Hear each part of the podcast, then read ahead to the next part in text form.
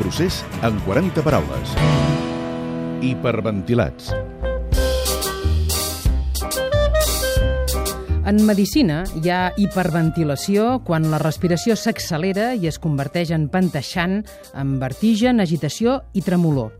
Hiperventilats és com es coneix els independentistes amb ansietat permanent, perquè volen la independència immediatament peti qui peti i sempre troben el procés massa lent, confús o tebi. El nom, òbviament, l'han posat els qui no són d'aquest parer i els volen ridiculitzar retratant-los com uns caps escalfats. El terme s'ha fet servir mediàticament.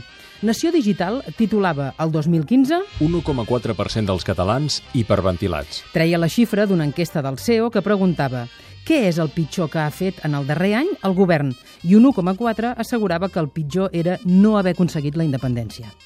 El subdirector del periòdico, Albert Sáez, també retrata amb detall els hiperventilats en un article d'opinió que va escriure al diari l'any 2013.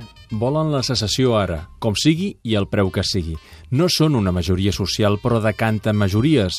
Els hiperventilats es van allunyar de Convergència i Unió amb la marxa de Pujol, van fagocitar Carot i Puigcercós després del segon tripartit, van donar a Mas la gairebé majoria absoluta del 2010 i li van treure el 2012 són els més partidaris del pacte de Convergència-Esquerra, però si la cosa es posa lletja, poden no fer-li fàstics a les CUPs, com abans van estar amb reagrupament o amb la porta.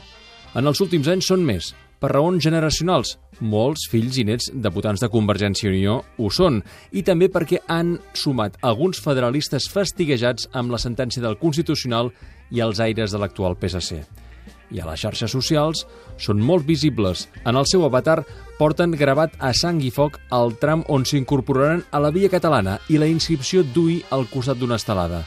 El seu hashtag preferit és Tenim pressa.